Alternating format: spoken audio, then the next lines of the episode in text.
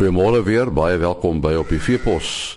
Ons praat vanoggend oor handelstoestande in die landbou en dan praat ons oor uh, watter implemente jy moet kies om te plant. Nou praat ons uh, met Frikkie Mulder van BKB Handel. Praat 'n bietjie oor handelstoestande. Uh, daar was 'n rentekoers aanpassing. Uh, het dit julle beïnvloed, uh, Frikkie? Uh, en ja, rentekoerse beïnvloed almal maar bietjie. Ehm um, dit het ons beïnvloed maar sien ons is in 'n tipe besigheid wat ons is die boere het maar hulle hulle daaglikse boerdery benodighede nodig. En ek is baie bly dat die dat die Reservebank gister weer 'n aanpassing gemaak het en so dit verstewig daarom die vertroue wat wat die boere dan weer gaan hê in die land en so aan. So dit het ons bietjie beïnvloed. Maar ek dink ons het 'n positiewe uitkyk as ons kyk vorentoe wat wat dit aan betref. En die wisselkoers? Die wisselkoers help ons aan die een kant en aan die ander kant het hy maar 'n bietjie 'n negatiewe uitwerking op ons. As jy kyk na die wisselkoers met die met die wol wat ons verkoop, beïnvloed dit ons beïnvloed dit ons bietjie positief, maar die wolprys en die en die oliepryse is ook half van mekaar gekoppel. En met die oliepryse wat afkom, dit is hoekom ons met die wolprys ook so 'n bietjie afgekom in die laaste twee veiling.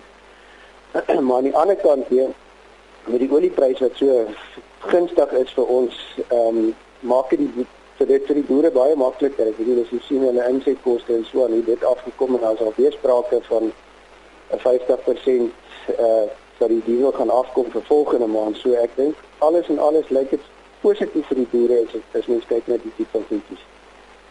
En die die ander insetkoste soos kunsmis en die goed? Dit die dit die die die dieselprys het maar 'n invloed op dit ook.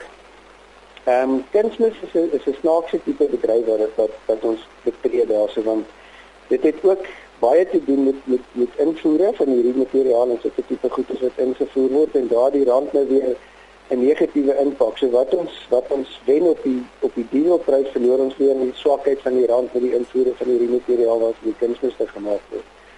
So vir die boer, eintlik wat die boer by ons dan nou ehm um, beter af is, is met die dieselprys wat sy insetkoste aansienlik minder maak, maar die rand aan die ander kant maak nou weer die reeds materiaal van die ag van alles. Ek bedoel baie van die van die veemedisyne is is uh, aktiewe bestanddele word ook ingevoer. So dit is maar wat die boer wat die wat die rand ons nou weer indien.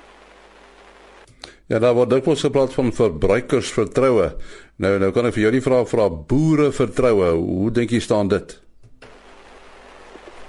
En daar was oor die afgelope tyd was daar maar baie spekulasie gewees oor hierdie 50% dat hulle moes afgee van hulle plase wat absolute absurde idee gewees het. Ehm um, so dit het die boere redelik negatief gemaak oor dit en maar as ek kyk aan die ekonomiese vertroue van die boerdery in die, in die, in die, in die standvastigheid van die boerdery wat ons vorentoe doen, dink ek daar's baie goedes wat in ons kan stel.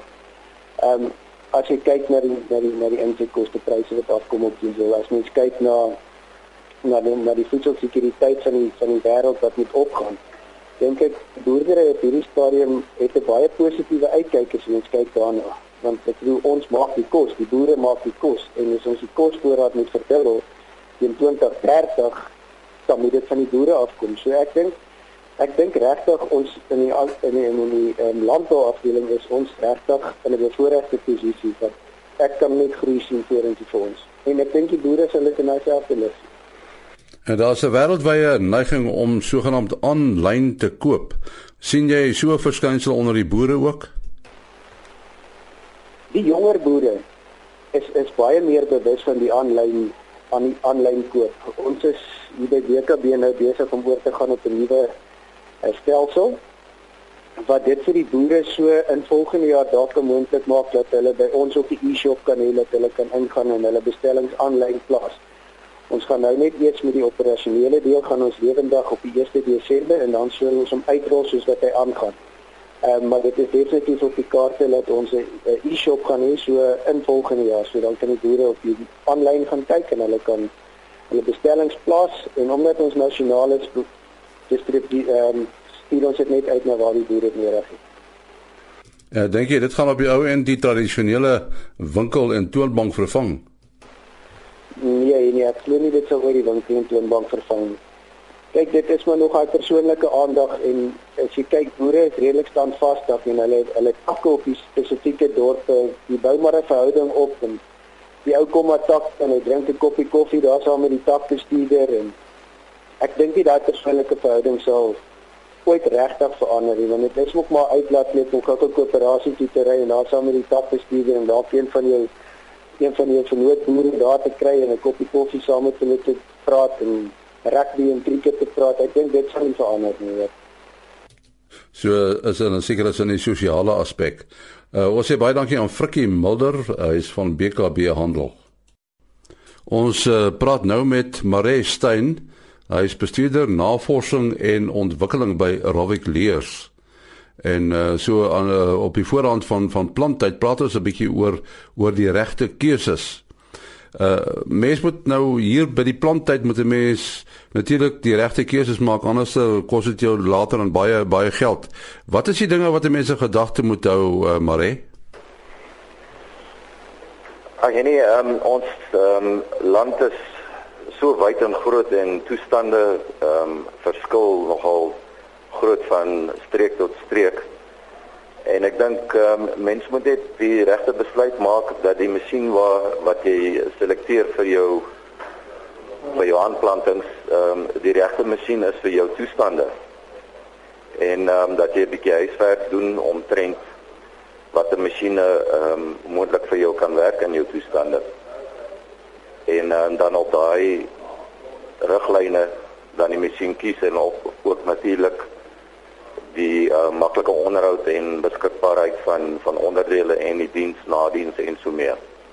Ehm um, ja, dis maar die basiese goed wat jy moet in gedagte hou met die selekteer van 'n planter.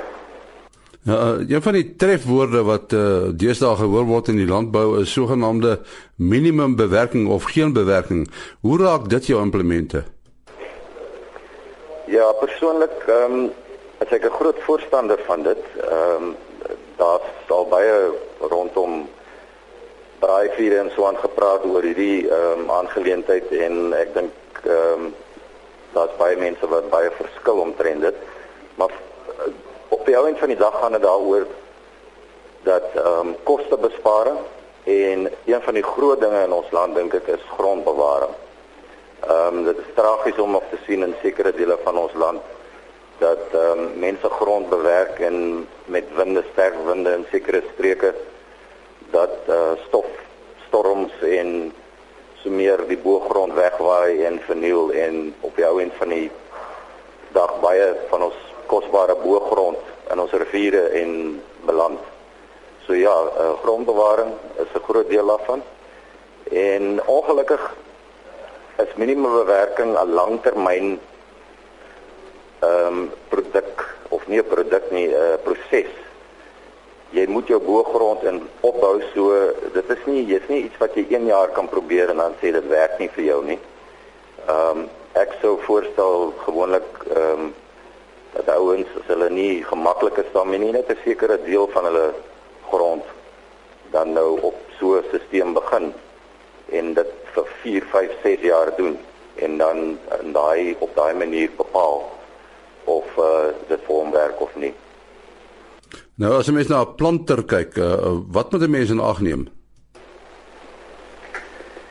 Ehm um, die planter self, uh, daar van jou personeel, maar ek sou sê die planter moet um, maklik wees om om um, mee te werk. Eenvoudig as moontlik.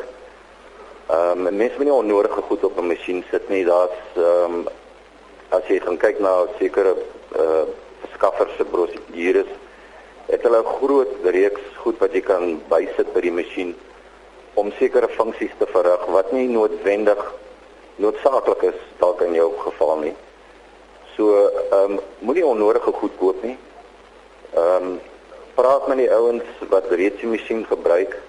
Jy sal baie keer kry dat ouens die masjien verkoop en dan koop hy al eh, die verkoopsman gehad wat al die extras aan hom verkoop en op 'n ouend lê die goed in 'n hoek van 'n stoor elders en en word nooit weer gebruik nie. So uh maak seker dat as jy die masjien gekies het dat jy die die regte goed gebruik en nie onnodige goed aanskaf op die masjien nie. Ehm um, daar is wel elektroniese ehm um, ek dink wat baie belangrik is op 'n rygewasplanter of 'n mielie of sojaplanter is dat jy moet 'n elektroniese sensor hê wat vir jou jou plantpopulasie en so meer kan kan aanwys. Nou jy het nie tyd geword dat mense dink aan aan 'n sogenaamde poolbenadering nie dat dat daar 'n knop masjiene op een plek is en dat ouens dan die masjiene gebruik soos wat uh, hulle dit nodig het nie. Ehm um, ek dink dit is 'n bietjie moeilik in ons land en ek is nie heeltemal op hoogte met presies elke area se plantheid nie, maar ehm um, ek weet dit werk ehm um, kontrakteurs byvoorbeeld dit werk in Amerika want dit is van die noorde van die land tot in die suide verskil die planttye baie. Maar die probleem in in Suid-Afrika is dat ehm um, as ek nou in die Wes-Kaap kan waar ons nou ons hoofkantoor is, ehm um, wat ons baie meer aan gevoel is met die met die planttyd en so aan is dat jou planttyd is baie beperk. Jy het baie jare net 2 weke maksimum om om jou goed in die in die grond te kry. En dan het elke ou 'n masjien nodig om sy hoeveelheid hektare te doen. So dit gaan baie moeilik wees om van 'n pool implemente gebruik te maak. Ek dink die ouens gaan gaan 'n bietjie ehm um, beklei oor wat wie wanneer gaan plant.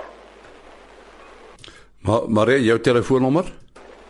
Ehm uh, my telefoonnommer is in Kaapstad is 021 907 1718. Sê hom weer.